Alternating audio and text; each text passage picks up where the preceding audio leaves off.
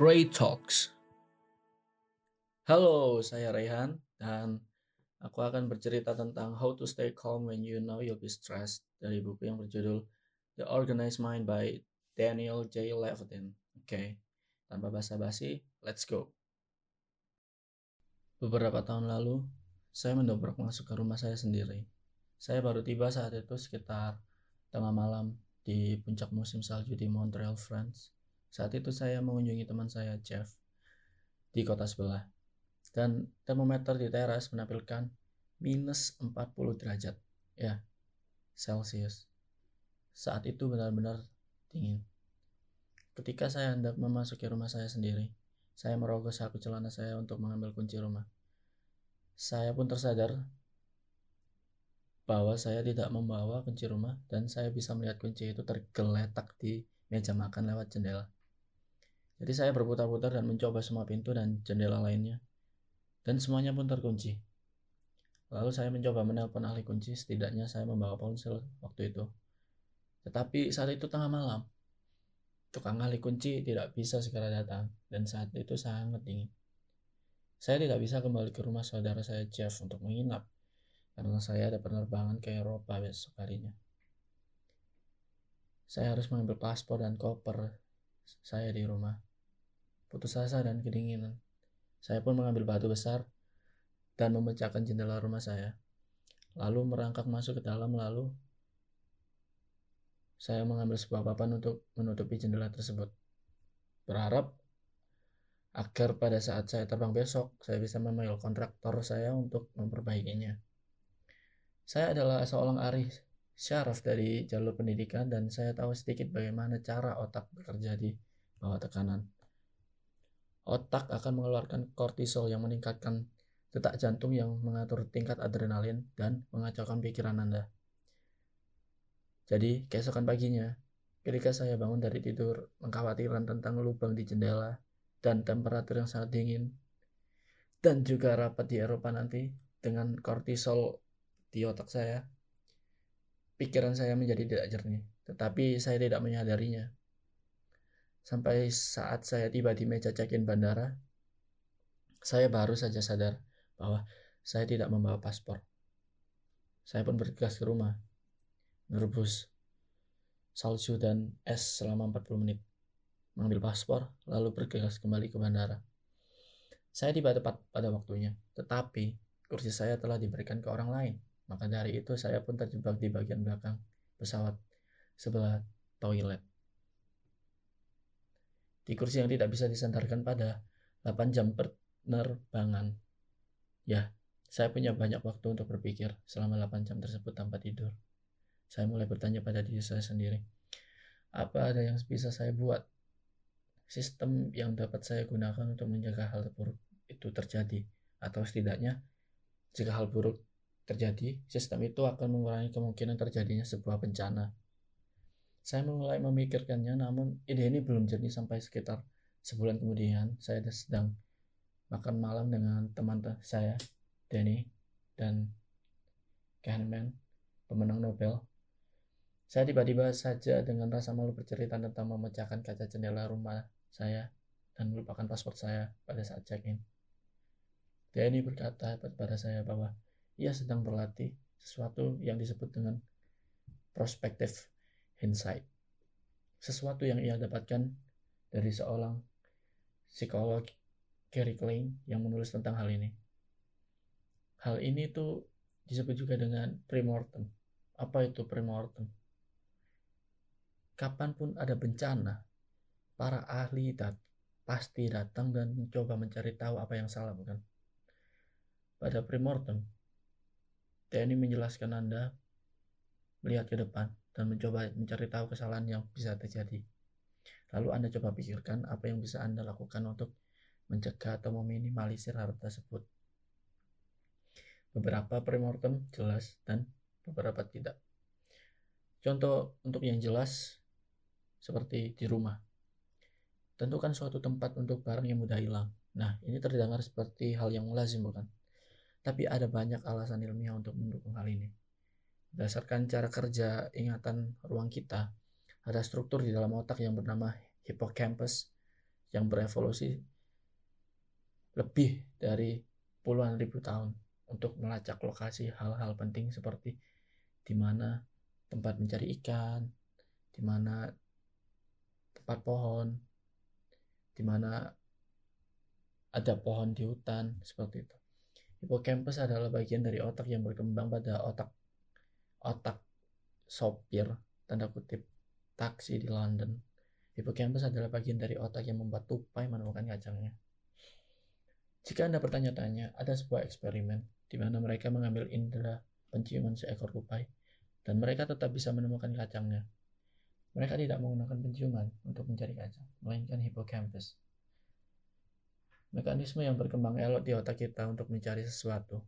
Namun, hal ini berlaku hanya untuk hal yang tidak bergerak. Inilah mengapa kita kehilangan kunci mobil atau motor, kacamata, paspor, dan sebagainya.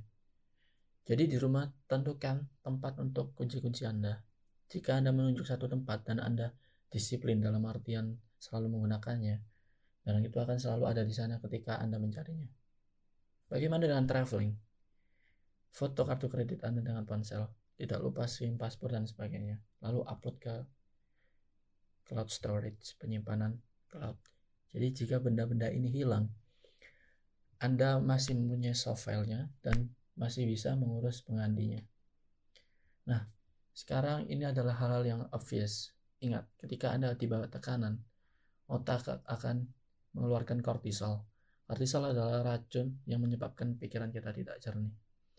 Jadi bagian dari latihan pramortem adalah mengetahui bahwa saat di bawah tekanan, Anda tidak dalam kondisi yang ideal atau terbaik dan mungkin tak ada situasi yang lebih membuat kita tertekan daripada saat Anda dihadapkan pada keputusan medis.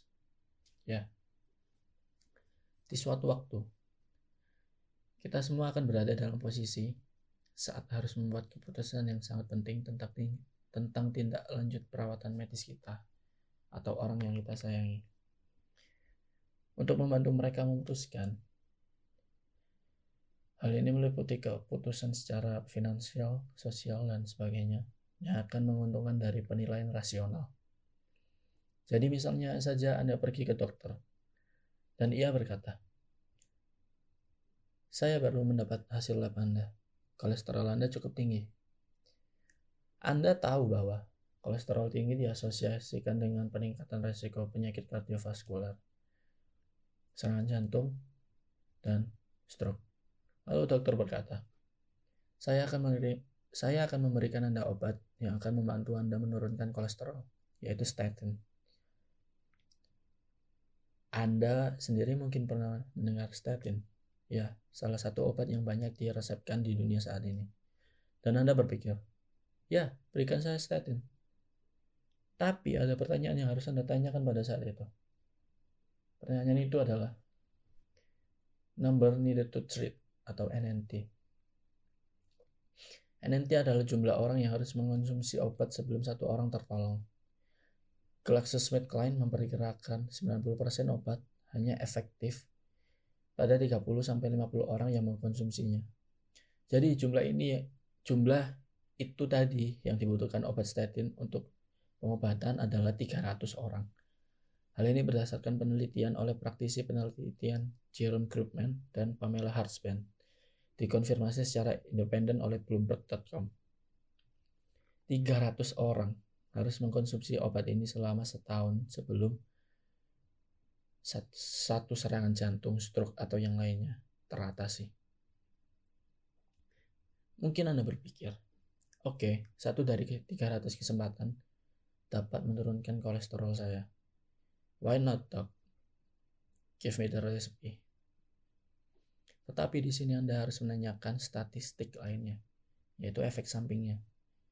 Jadi, untuk obat khusus ini, efek sampingnya muncul pada 5% pasien yang menggunakannya. Yang termasuk hal-hal yang buruk seperti pelemahan otot, jari sendi, radang lambung, dan usus. Sekarang Anda berpikir, ah 5% adalah jumlah yang kecil dan kecil kemungkinan terjadi pada saya. Ah, I'll check it. Tapi tunggu sebentar. Ingat, bahwa jika kita sedang di bawah tekanan, kita tidak berpikir jernih. Jadi pikirkan bagaimana Anda menghadapi ini ke depannya, supaya Anda tak harus membuat sederet pertimbangan nantinya. Begini, 300 orang mengonsumsi obat, hanya satu yang tertolong. Nah, lalu 5% dari 300 orang mendapatkan efek samping itu sudah 15 orang. Anda 15 kali lebih mungkin dirugikan oleh obat daripada Anda tertolong. Betul tidak? Anda mempunyai hak untuk mengetahui hal ini karena nantinya hal ini digunakan untuk memulai percakapan dengan dokter Anda. Apakah Anda harus mengambil resikonya atau tidak? Pada intinya, gagasan tentang premortem adalah berpikir jauh ke depan.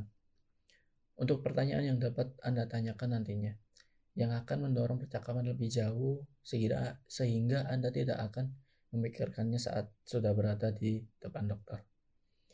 Anda sudah memikir, Anda sudah memperkirakan semuanya dan merencanakan semuanya. Anda juga harus berpikir tentang kualitas hidup karena sering kali Anda punya pilihan. Apakah Anda ingin hidup singkat tanpa rasa sakit atau umur panjang tapi kesakitan sampai akhir hayat? Hal ini harus dipikirkan dari sekarang. Anda mungkin bisa berubah pikiran pada saatnya. Tetapi, setidaknya Anda mencoba memikirkan hal ini. Ingat, otak kita menghasilkan kortisol ketika stres. Dan satu hal yang terjadi pada saatnya adalah matinya seluruh sistem Anda. Ada alasan evolusionari untuk ini berhadapan yaitu berhadapan dengan predator anda tidak butuh sistem penyeraan atau sistem imun Anda. Karena jika tubuh Anda menggunakan metabolisme pada hal-hal ini, dan Anda tidak bereaksi dengan cepat, Anda bisa menjadi makanan predator, dan hal-hal tersebut akan berarti lagi. Sayangnya, salah satu hal yang hilang ketika Anda di bawah tekanan adalah pemikiran rasional dan logika. Seperti yang telah ditunjukkan Danny Kahneman dan temannya, jadi kita harus melatih diri untuk berpikir jauh ke depan pada situasi seperti ini. Poin yang penting adalah menyadari bahwa kita semua tak sempurna. Ada saatnya kita lalai dan ada saatnya kita fokus. Gagasannya adalah berpikir jauh ke depan agar kelalaian yang mungkin terjadi itu bisa kita rencanakan untuk mengatasinya untuk merancang sistem yang akan mengurangi dampaknya atau untuk mencegah hal buruk yang akan terjadi sejak awal. Hal ini bisa dijawab juga dengan antisipasi. Ya, sekian untuk episode kali ini. Thanks for listening. Goodbye.